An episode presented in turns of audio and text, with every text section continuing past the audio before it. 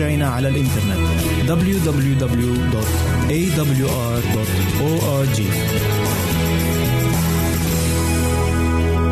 أعزائي المستمعين والمستمعات يسعدنا استقبال رسائلكم على العنوان البريد الإلكتروني التالي راسلنا at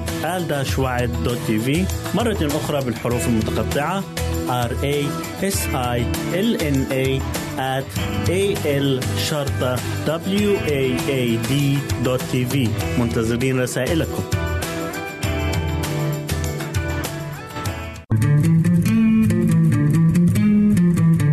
أنتم تستمعون إلى إذاعة صوت الوعي.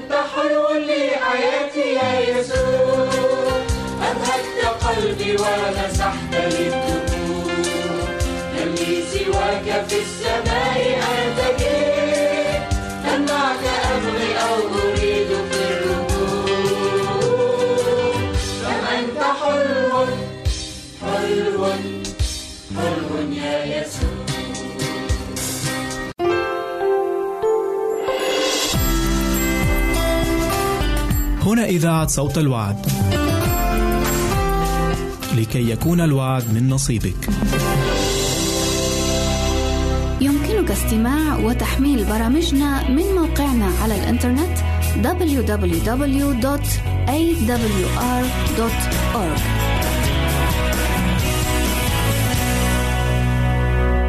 أعزائي المستمعين والمستمعات يسعدنا استقبال رسائلكم على العنوان البريد الإلكتروني التالي راسلنا at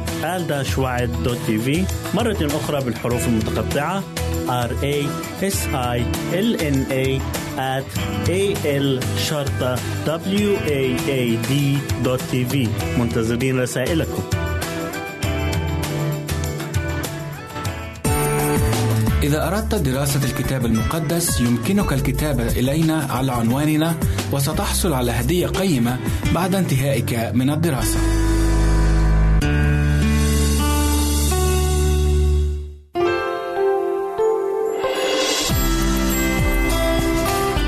هنا إذاعة صوت الوعد لكي يكون الوعد من نصيبك بكم أعزائي المستمعين في حلقة جديدة من برنامجكم الروحي مشتهى الأجيال والذي سنتقابل فيه اليوم مع حمل الله الذي خيب آمال المستكبرين الذين كانوا يتطلعون ويتوقعون مجيء ملك عظيم قوي جبار يحكم ويأمر ولكن المسيح جاء في تواضع عجيب وفي محبة واهتمام للفقير والمحتاج ليملك لا على العروش بل على القلوب. فتعالوا معي لنتأمل ونرى كيف بدأ المسيح خدمته ولمن قدم الدعوة. فأهلا ومرحبا بكم. حمل الله. وفي اليوم التالي رأى يوحنا يسوع مقبلا إليه فإذ رأى نور مجد الله يستقر عليه. بسط ذلك النبي يديه وأعلن قائلا هوذا حمل الله الذي يرفع خطية العالم. هذا هو الذي قلت عنه. يأتي بعدي. رجل سار قدامي لأنه كان قبلي. وأنا لم أكن أعرفه لكن ليظهر لإسرائيل. لذلك جئت أعمد بالماء. إني قد رأيت الروح نازلا مثل حمامة من السماء فاستقر عليه وأنا لم أكن أعرفه. لكن الذي أرسلني لأعمد بالماء ذاك قال لي الذي ترى الروح نازلا ومستقرا عليه فهذا الذي يعمد بالروح القدس. وأنا قد رأيت وشهدت أن هذا هو ابن الله. فهل كان هذا هو المسيح؟ لقد نظر الشعب بتهيب ودهشة إلى ذاك الذي قد أعلن عنه أنه ابن الله. لقد تأثروا تأثرا عميقا من كلام يوحنا إذ كلمهم باسم الله فظلوا يصغون إلى أقواله كل يوم وهو يوبخ خطاياهم. وكل يوم كان يزيد اقتناعهم بأنه مرسل من السماء. ولكن من هذا الذي هو أعظم من يوحنا المعمدان؟ لم يكن في لبسه أو هيئته ما يدل على سمو مرتبته. كان يبدو عليه أنه شخص بسيط يلبس مثلهم ملابس الفقراء. وقد كان بين ذلك الجمع بعض ممن قد رأوا المجد الإلهي وسمعوا صوت الله من السماء عند معمودية المسيح. ولكن منذ ذلك الحين تغير منظر المخلص تغيرا كبيرا. فعند معموديته رأوا وجهه وقد تجلى بنور من السماء. أما الآن فقد بدا شاحبا ومنهكا ومضنى وهزيلا. ولم يعرفه غير النبي يوحنا. ولكن عندما نظر إليه الناس رأوا وجها امتزج فيه الإشفاق الإلهي بالقوة التي كان هو عالما بسرها. فكل نظرة من نظراته وكل تعبير على وجهه كان مميزا بالوداعة ومعبرا عن المحبة التي لا ينطق بها. وقد بدا كأنه كان محاطا بجو روحي سماوي. ففي حين أنه كان رقيقا ووديعا في عاداته وتصرفاته فقد اقتنع الناس بالقوة الكامنة فيه التي مع ذلك لم يمكن إخفاؤها إخفاء كاملا. فهل يمكن أن يكون هذا هو الذي ظل إسرائيل ينتظره هكذا طويلا؟ لقد جاء يسوع فقيرا ومتواضعا لكي يكون لنا مثالا وفاديا. فلو ظهر في أبهة الملك وجلاله فكيف كان يمكنه أن يعلم الناس الوداعة وكيف كان يمكنه أن يقدم للشعب تلك الحقائق المؤثرة الفاحصة التي نطق بها في موعظته على الجبل؟ وأين كان يوجد رجاء للمساكين والأذلاء في الحياة لو أتى المسيح ليعيش بين الناس كملك عظيم؟ أما أولئك المجتمعون فقد بدا لهم أنه من المستحيل أن يكون ذاك الذي قد أشار إليه يوحنا هو من ترتكز فيه انتظاراتهم وآمالهم العظيمة. وهكذا شمل الارتباك وخيبة الأمل كثيرين منهم. إنه لم يذكر شيئا عن الأقوال التي كان الكهنة والأحبار ينتظرون سماعها. من أن يسوع سيرد الملك إلى إسرائيل لقد كانوا ينتظرون مثل هذا الملك ويترقبون مجيئه وكانوا على أتم استعداد لقبوله والترحيب به. أما ذاك الذي يحاول أن يقيم في قلوبهم ملكوت البر والسلام فهذا لا يقبلونه. وفي اليوم التالي إذ كان اثنان من التلاميذ واقفين على مقربة رأى يوحنا يسوع مرة أخرى في وسط الشعب ومرة أخرى أضاء وجه ذلك النبي بمجد الله غير المنظور عندما صاح يقول هوذا حمل الله وقد هزت هذه الكلمات مشاعر التلميذين مع أنهما لم يفهما معناها تمام الفهم. فما معنى هذا الاسم الذي أطلقه يوحنا عليه حمل الله؟ إن يوحنا نفسه لم يوضح المعنى. يطلبان يسوع. وإذ ترك التلميذان يوحنا ذهبا يطلبان يسوع. وكان إندراوس أخو سمعان أحد التلميذين. أما التلميذ الآخر فهو يوحنا البشير. فكان هذان التلميذان أول من تتلمذا للمسيح. وقد تبعا يسوع مدفوعين بدافع قوي لا يقاوم. وكان يتوقان إلى التحدث معه ومع ذلك فقد كانا متهيبين وصامتين. وكانا غارقين في التفكير في هذا السؤال أهذا هو مسيح؟ علم يسوع أن ذينك التلميذين يتبعانه وكانا بكورة ثمار خدمته فامتلأ قلب ذلك المعلم الإلهي فرحا لأن ذينك الشخصين قد استجابا لنداء نعمته فالتفت إليهما مع ذلك وسألهما قائلا ماذا تطلبان؟ لقد كان يريد أن يترك لهما الحرية في أن يرجعا وأن يخبراه برغبتهما ولكنهما كانا يشعران أن لهما غرضا واحدا وكان يشغل أفكارهما شخص واحد. فصاحا ربي أين تمكث؟ إنهما لم يستطيعا في فترة ذلك اللقاء القصير على جانب الطريق أن يستوعبا ما كان يتوقان إلى تعلمه. لقد رغبا في الانفراد بيسوع والجلوس عند قدميه وسماع كلامه. فقال لهما تعاليا وانظرا. فأتيا ونظرا أين كان يمكث؟ ومكثا عنده ذلك اليوم.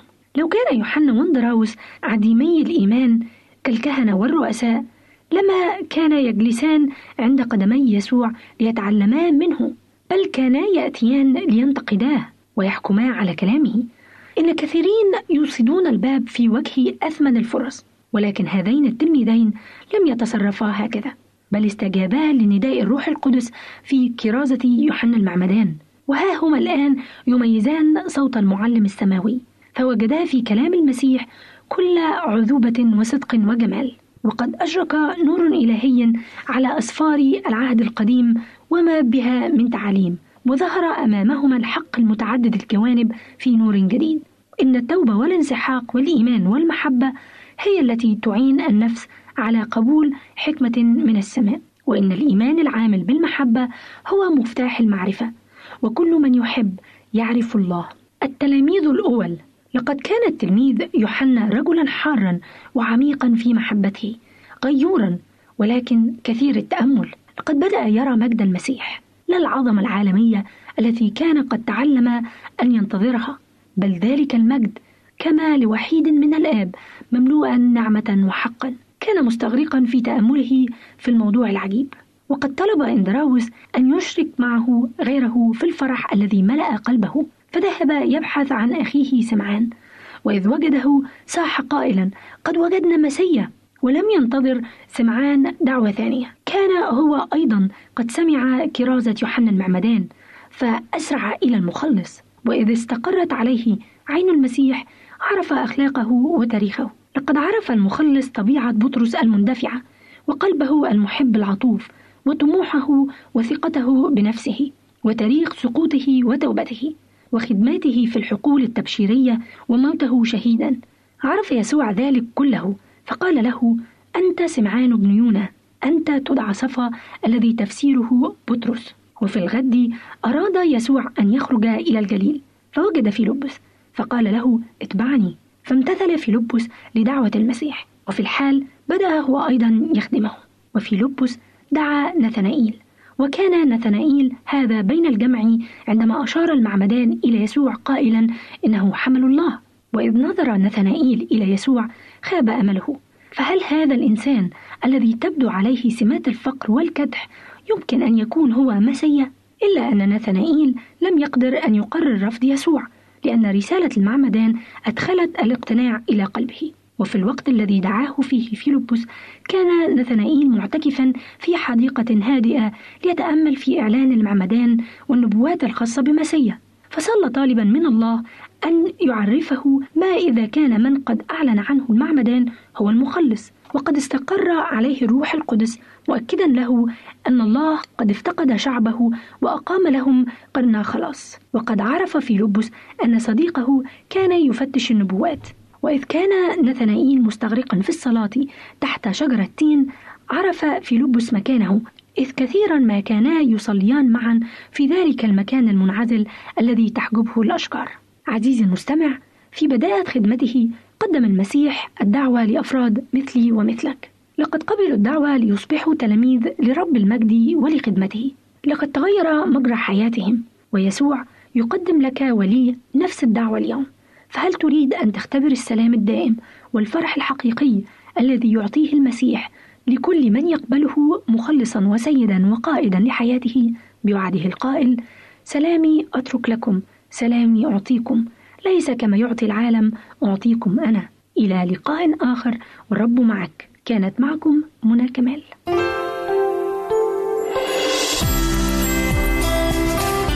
هنا إذاعة صوت الوعد. لكي يكون الوعد من نصيبك. يمكنك استماع وتحميل برامجنا من موقعنا على الإنترنت www.awr.org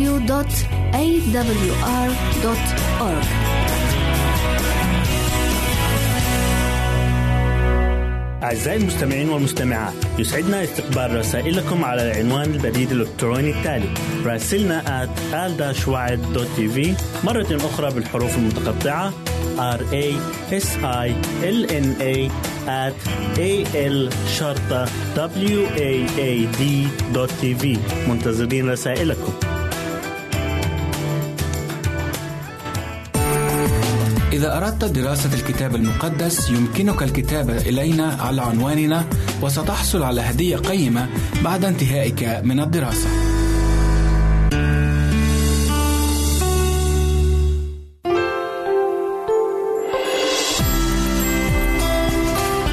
هنا إذاعة صوت الوعد. لكي يكون الوعد من نصيبك.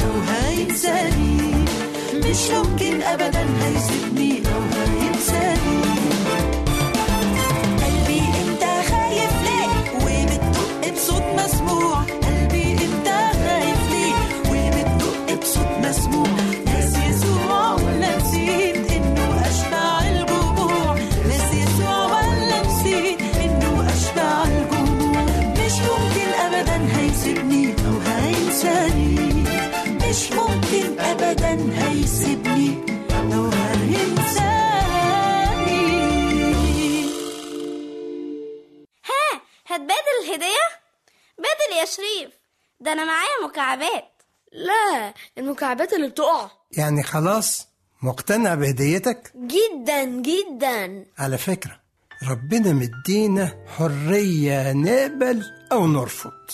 فيه ناس جت ليسوع وارتاحت لكن في برضه اللي بيبعد. يلا تعالى وشوف النور. اوعى اوعى ابدا تعند بعض الناس عايشين في الضلمة ويقولوا عايشين في النور. فاكرين هيشوفوا في الضلمة ومش شايفين النور طبعا تقصد بالنور يسوع المسيح لما تصلي له وتقول يا رب اسكن في قلبي خليني ابن ليك وتبقى أنت فيا وعيش حياتي فيك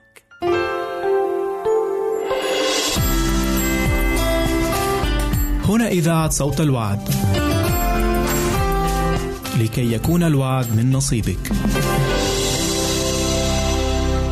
يمكنك استماع وتحميل برامجنا من موقعنا على الإنترنت www.awr.org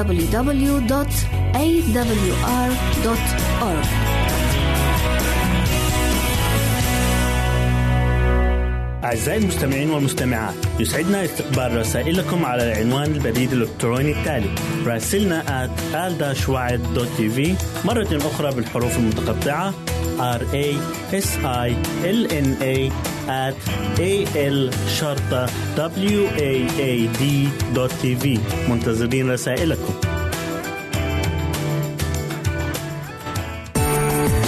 إذا أردت دراسة الكتاب المقدس يمكنك الكتابة إلينا على عنواننا وستحصل على هدية قيمة بعد انتهائك من الدراسة.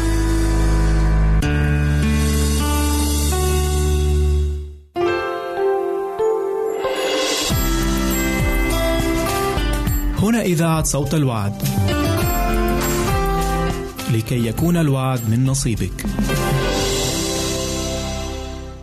نحن نلتقي بكم وحلقة جديدة من مجلتكم المنوعة من هنا وهناك. نحمل لكم في طيات صفحاتها مجموعة من المعلومات والأخبار التي نرجو أن تعجبكم وتنال رضاكم. ونحن بانتظار مساهماتكم في مجلتكم المنوعة هذه. لكم منا كل الود وأنتم ترافقوننا في حلقة اليوم.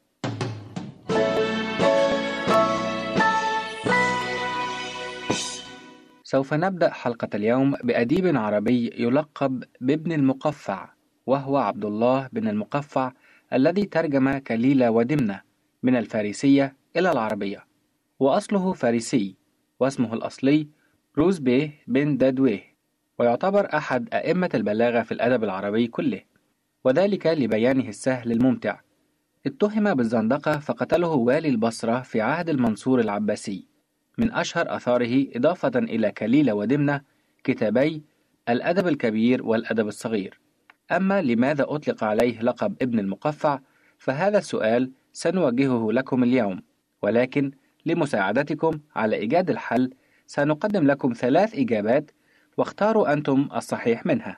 أولاً أطلق عليه هذا اللقب لأن هذا الأديب كان يقفي الكلام ويكثر من استعمال القوافي. ثانياً نسبة إلى والده الذي أطلق عليه المقفع بعد أن ضربه الحجاج بن يوسف حتى تشنجت يده أو تقفعت لأنه عندما كان متوليا على جباية في فارس والعراق مد يده إلى مال الدولة وسرق منه. ثالثا المقفع في اللغة هو القزم وكان أبوه قصيرا جدا وأطلقوا عليه هذا اللقب لقصره وسمي ابن المقفع نسبة إلى والده لأنه كان يشبهه بقصر قامته فما هو الجواب الصحيح؟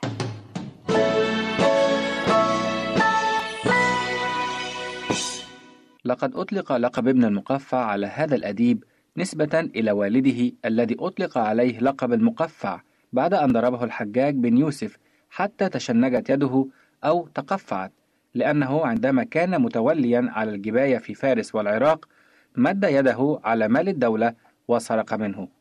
بعد أن عرفنا سبب تسمية ابن المقفع بهذا الاسم سنقدم لكم بعض ما ورد في كتاب كليلة ودمنة الذي ترجمه ابن المقفع عن اللغة الفارسية. القرد والنجار. قال كليلة زعموا أن قردا رأى نجارا يشق خشبة وهو راكب عليها وكلما شق منها ذراعا أدخل فيها وتدا. فوقف ينظر إليه وقد أعجبه ذلك. ثم إن النجار ذهب لقضاء حاجته فقام القرد فتكلف ما ليس من شأنه فركب الخشبة وجعل وجهه قبل الوتد وظهره قبل طرف الخشبة فتدلى ذنبه في الشق ونزع الوتد فلزم الشق عليه فكاد يغشى عليه من الألم.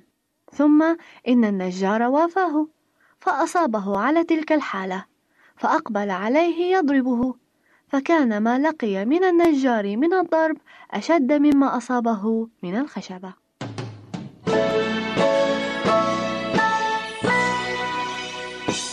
الفقرة الثانية من مجلتكم المنوعة من هنا وهناك هي بعض المساهمات مما وصلنا من مستمعينا الكرام. نبدأها بهذه الحكم التي وصلتنا من الصديق موفق من العراق. لا مال أوفر من العقل ولا فقر أعظم من الجهل ولا ظهر أقوى من المشورة. الدنيا ثلاث دمعات دمعة اليتيم المحروم ودمعة السجين المظلوم ودمعة العاشق المهضوم. أما المساهمة التالية فلقد وصلتنا من الصديق عمار من الجزائر.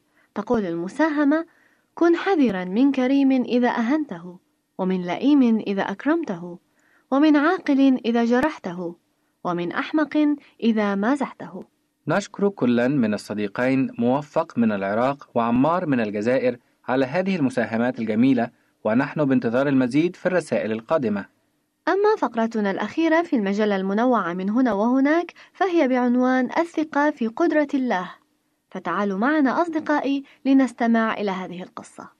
وقفت إحدى العائلات في ظرف مادي صعب للغاية وكان لأفرادها عزة نفس كبيرة أبت عليهم أن يسألوا أحدا المساعدة وبعد وقت قصير نفذت كل نقودهم ومعها نفذت آخر كسرة خبز لديهم.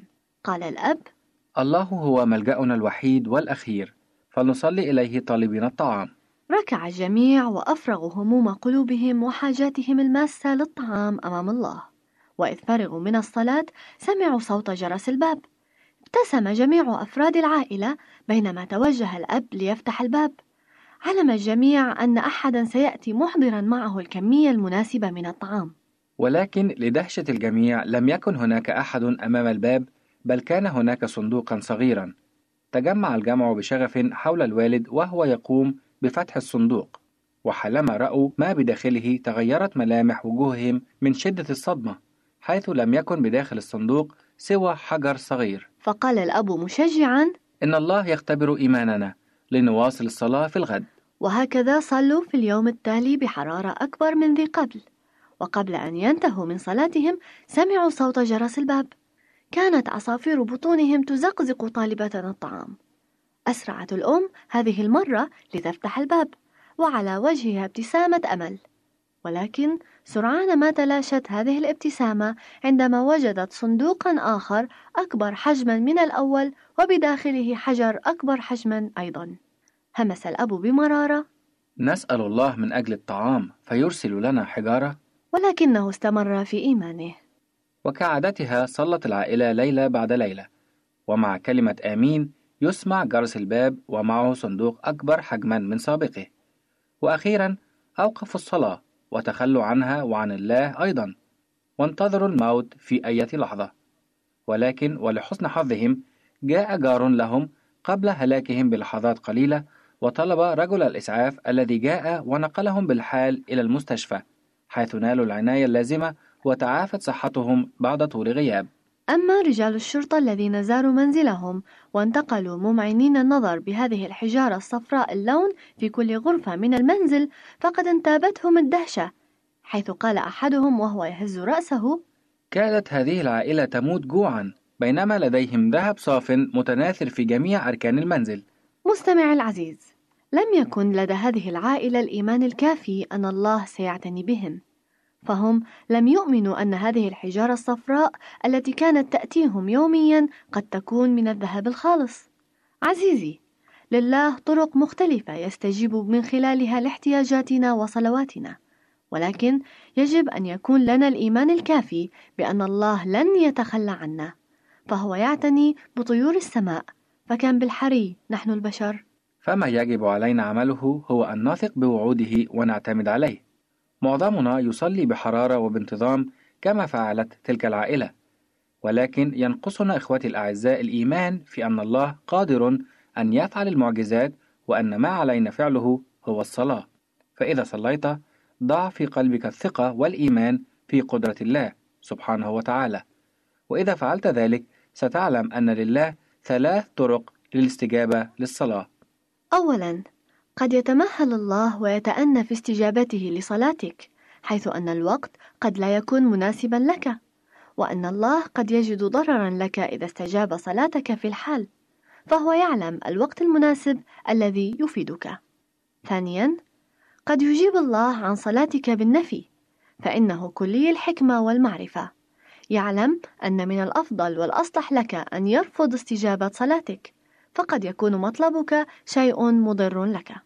ثالثا، قد يستجيب لصلاتك في الحال، فيرى الله أنك بحاجة ماسة إلى بعض الأشياء، فيستجيب لصلاتك لمنفعتك ولمصلحتك، فرحمته واسعة وفائقة.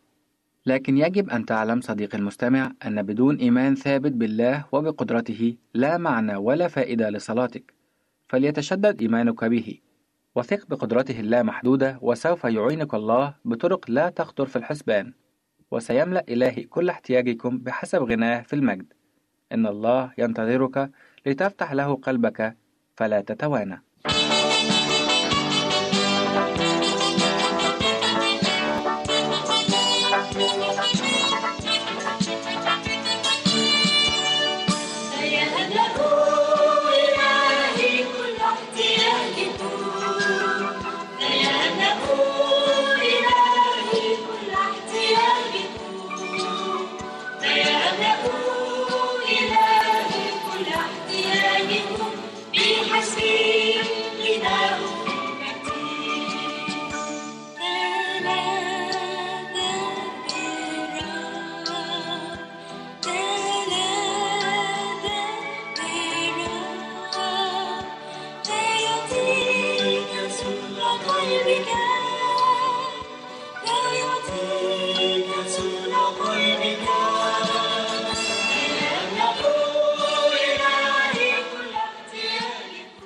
أتمنى أن تكون حلقة اليوم من مجلتكم المنوعة. من هنا وهناك قد راقت لكم واستفدتم منها. حتى اللقاء القادم هذه أحلى تحية من رغدة سليم وسامي سعيد.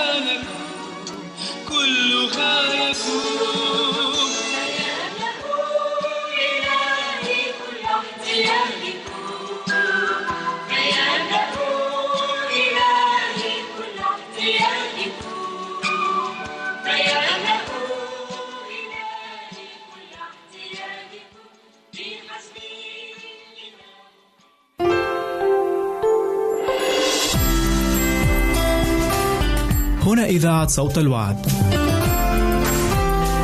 لكي يكون الوعد من نصيبك.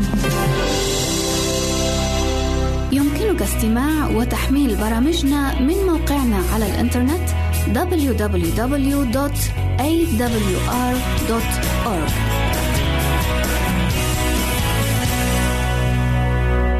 أعزائي المستمعين والمستمعات يسعدنا استقبال رسائلكم على العنوان البريد الإلكتروني التالي راسلنا at مرة أخرى بالحروف المتقطعة r a s i l n a at a l شرطة w a a d منتظرين رسائلكم.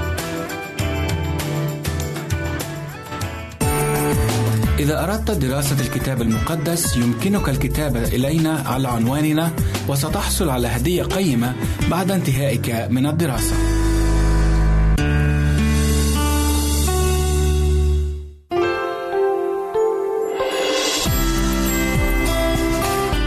هنا إذاعة صوت الوعد. لكي يكون الوعد من نصيبك.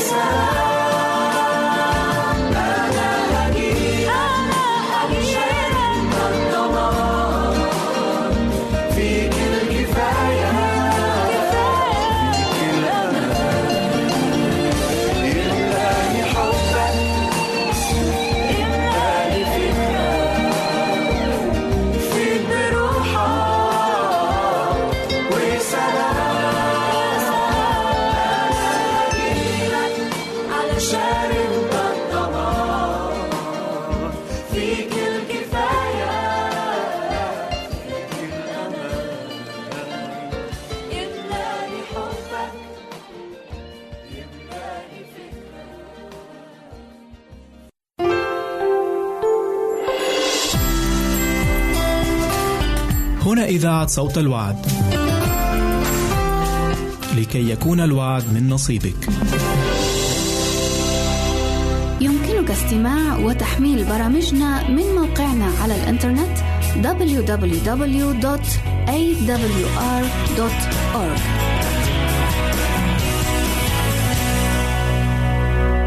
أعزائي المستمعين والمستمعات يسعدنا استقبال رسائلكم على العنوان البريد الإلكتروني التالي راسلنا at al مرة أخرى بالحروف المتقطعة r a s i l n a at a l شرطة w a a d منتظرين رسائلكم. إذا أردت دراسة الكتاب المقدس يمكنك الكتابة إلينا على عنواننا وستحصل على هدية قيمة بعد انتهائك من الدراسة.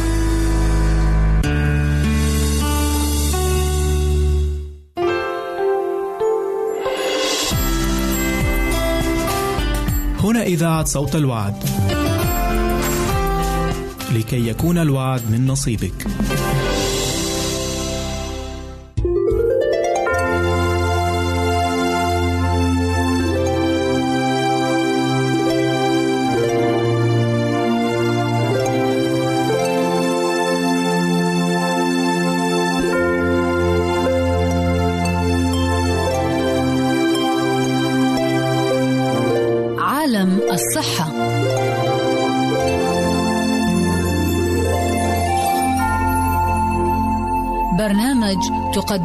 لكم نور كمال.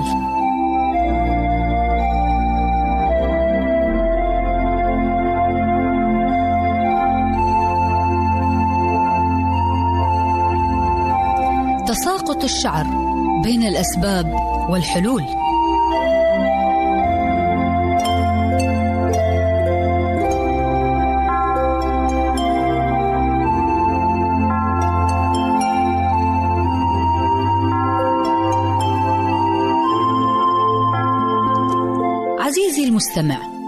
عزيزتي المستمعة هل تعلم أن الاهتمام بالغذاء الصحي المتوازن والاهتمام بالشعر وتسريحه بطريقة معتدلة ومراجعة أخصائي الأمراض الجلدية يجنب المرأة فقدانها لشعرها؟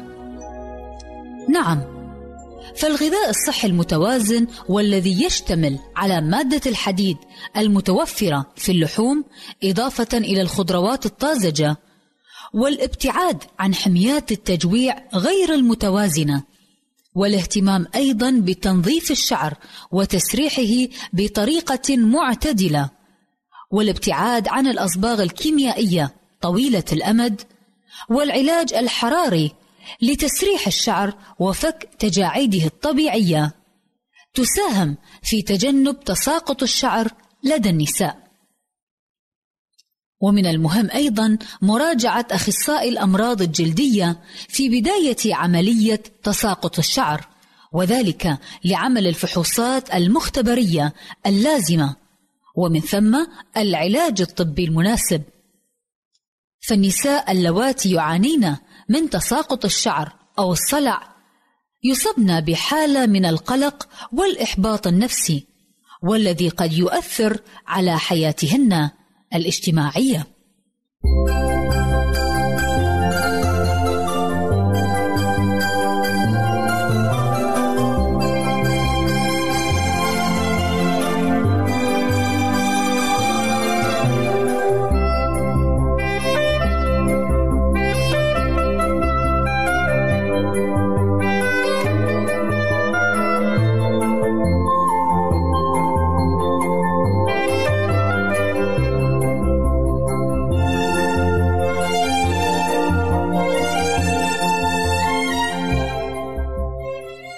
عزيزي المستمع عزيزتي المستمعة إن أسباب تساقط الشعر عند النساء تختلف عما هي عليه عند الرجال. نعلم جميعنا أن المرأة مختلفة عن الرجل فهي تمر بالعديد من المراحل الحياتية والتي تساهم في ظاهرة تساقط الشعر. فمرحلة البلوغ تبدأ عند البنت قبل الولد. وما يترتب عن ذلك من تغيرات بالهرمونات والتي قد تؤثر سلبا على نمو الشعر واحيانا تساقطه. كما أن المرأة تتعرض لعوامل كثيرة تساهم في ظاهرة تساقط الشعر ومنها مشاكل الدورة الشهرية مثل زيادة دم الطمث أو طول فترة الدورة الشهرية عن المعتاد وبالتالي فقدان كمية من مخزون الحديد في الجسم وخصوصا عند عدم تعويض الكمية المفقودة من الجسم بالمواد الغذائية التي تحتوي على نسبة عالية من الحديد. وكذلك عزيزتي المرأة تعتبر حميات التجويع المتنوعة للتخلص من الكيلوغرامات الزائدة قد تكون على حساب الشعر لأن الحميات عادة ما تكون خالية من اللحوم الحمراء أو المواد التي تحتوي على الحديد. ناهيك عن القلق النفسي المستمر والذي تمر به الفتاة أو السيدة عند إنقاص الوزن، وذلك حفاظا على مظهرها وأناقتها. إن نسبة الشعر النشط خلال فترة الحمل والرضاعة عند المرأة وخصوصا في الثلاثة أشهر الأخيرة للحمل وعند الولادة أو في فترة الثلاثة إلى الستة أشهر الأولى بعد الولادة. تتساقط خصلات الشعر والتي تحولت من نشطة إلى غير نشطة في الرأس وهي استجابة متوقعة عزيزتي المرأة في أثناء هذه المرحلة من حياتك. فلا تستغربين حدوث ذلك وتعتبرينه حالة مرضية غريبة. كذلك تعتبر السمنة المفرطة أعزائي عند النساء من العوامل الهامة في تساقط الشعر الهرموني، حيث يلجأ الجسم إلى إفراز هرمونات ذكرية زائدة عن الحاجة، تؤدي إلى زيادة تساقط الشعر النشط.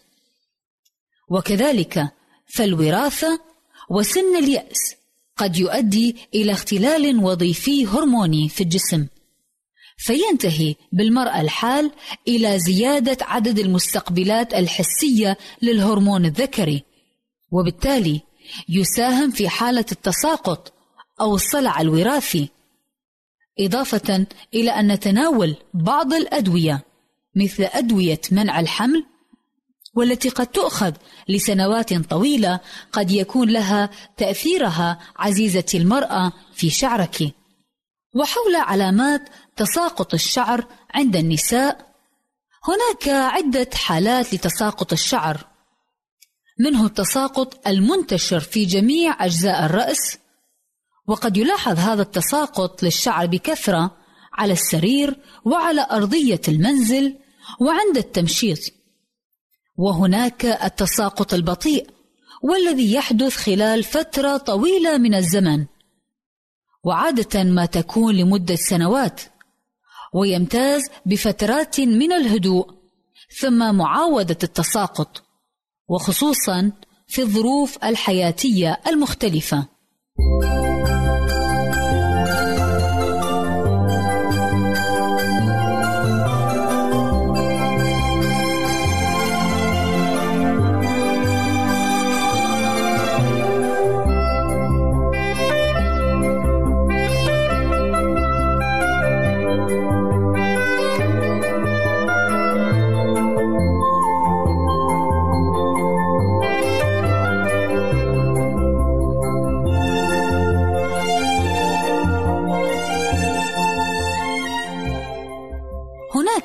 اختبارات عديدة أعزائي يجب إجراءها قبل التشخيص وهي اختبارات دم معينة وفحص لوظيفة الغدة الدرقية وفحص الأجسام المضادة لخلايا الجسم. كما يتم طلب بعض الأحيان فحص الهرمونات للغدد في الجسم وكذلك قد يطلب اختبار السونار للكشف عن أكياس المبيضين في بعض الحالات. هذه بعض الحالات والفحوصات والتي قد تحتاجين للقيام بها أو الاطلاع عليها حتى عزيزتي المرأة إذا كنت ترغبين في معرفة بعض أسباب تساقط الشعر وهي حالات من المفيد أن نتعرف عليها لأنها تفيدنا في حياتنا اليومية وللاطلاع على صحتنا وعلى صحة شعرنا أيضا. فمن المعروف أن تاج المرأة هو شعرها. أتمنى عزيزتي أن تكون حلقتنا لهذا اليوم قد أفادتك في الاهتمام بشعرك، وأنت أيضا عزيزي المستمع متمنية للجميع دوام الصحة والعافية.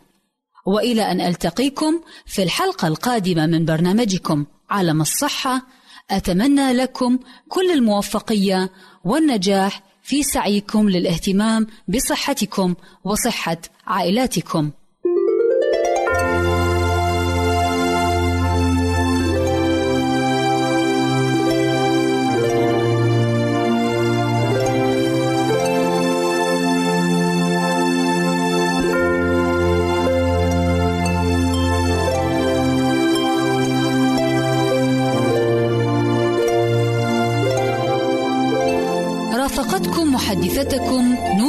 كمال في عالم الصحة.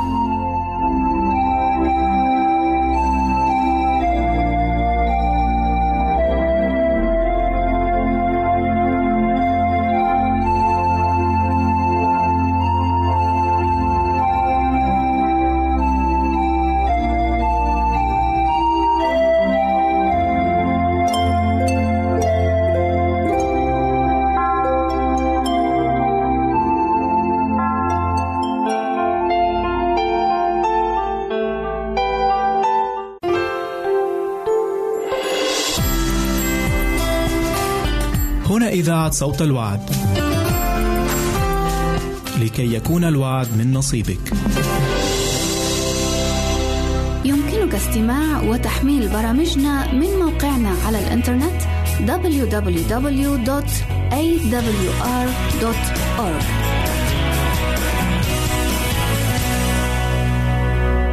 أعزائي المستمعين والمستمعات يسعدنا استقبال رسائلكم على العنوان البريد الإلكتروني التالي راسلنا at مرة أخرى بالحروف المتقطعة r a s i l n a at a l شرطة w a a d منتظرين رسائلكم.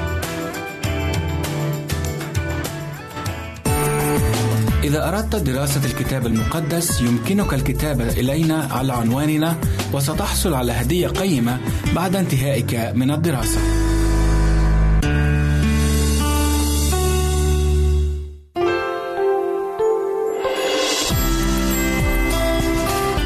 هنا إذاعة صوت الوعد. لكي يكون الوعد من نصيبك.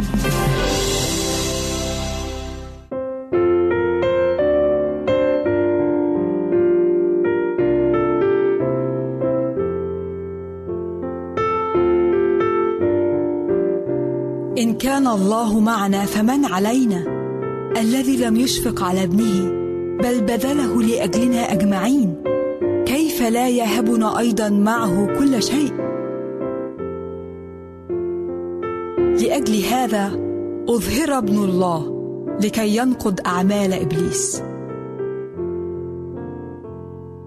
الذي حمل هو نفسه خطايانا في جسده على الخشبة لكي نموت عن الخطايا فنحيا للبر الذي بجلدته شفيتم.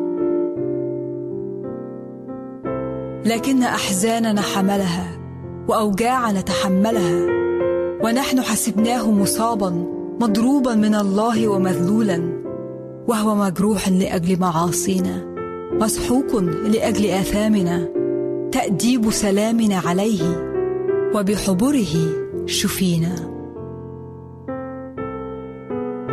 قال يسوع وأما أنا فقد أتيت لتكون لهم حياة وليكون لهم أفضل. وكان يسوع يطوف المدن كلها والقرى يعلم في مجامعها ويكرز ببشارة الملكوت ويشفي كل مرض وكل ضعف في الشعب. وكل الجمع طلبوا أن يلمسوه لأن قوة كانت تخرج منه وتشفي الجميع. ولما نزل من الجبل تبعته جموع كثيرة. وإذا أبرص قد جاء وسجد له قائلا يا سيد إن أردت تقدر أن تطهرني. فمد يسوع يده ولمسه قائلا أريد فاطهر وللوقت طهر برصه.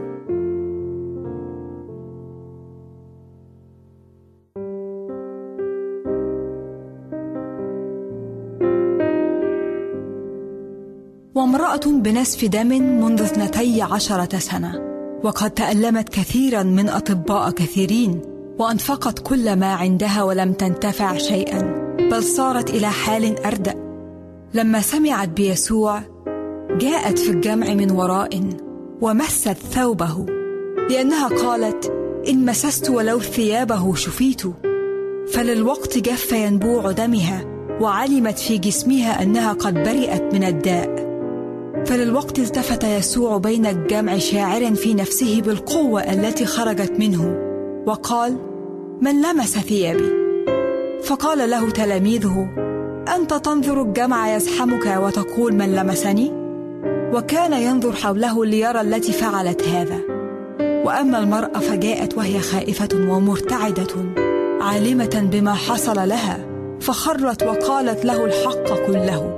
فقال لها يا ابنة إيمانك قد شفاك. اذهبي بسلام وكوني صحيحة من دائك. وفيما يسوع مجتاز من هناك تبعه أعميان يصرخان ويقولان ارحمنا يا ابن داود. ولما جاء إلى البيت تقدم إليه الأعميان فقال لهما يسوع أتؤمنان أني أقدر أن أفعل هذا؟ قالا له نعم يا سيد. حينئذ لمس أعينهما قائلا بحسب إيمانكما ليكن لكما فانفتحت أعينهما. وكان يعلم في أحد المجامع في السبت وإذا امرأة كان بها روح ضعف ثماني عشرة سنة وكانت منحنية ولم تقدر أن تنتصب البتة. فلما رآها يسوع دعاها وقال لها يا امرأة إنك محلولة من ضعفك. ووضع عليها يديه ففي الحال استقامت ومجدت الله. وصعد بطرس ويوحنا معا إلى الهيكل في ساعة الصلاة التاسعة. وكان رجل أعرج من بطن أمه يحمل. كانوا يضعونه كل يوم عند باب الهيكل الذي يقال له الجميل. ليسأل صدقة من الذين يدخلون الهيكل. فهذا لما رأى بطرس ويوحنا مزمعين أن يدخل الهيكل سأل ليأخذ صدقة. فتفرس فيه بطرس مع يوحنا وقال انظر إلينا. فلاحظهما منتظرا أن يأخذ منهما شيئا. فقال بطرس ليس لي فضة ولا ذهب ولكن الذي لي فإياه أعطيك. باسم يسوع المسيح الناصري. قم وامشي. وأمسكه بيده اليمنى وأقامه. ففي الحال تشددت رجلاه وكعباه. فوثب ووقف وصار يمشي. ودخل معهما إلى الهيكل وهو يمشي ويطفر ويسبح الله.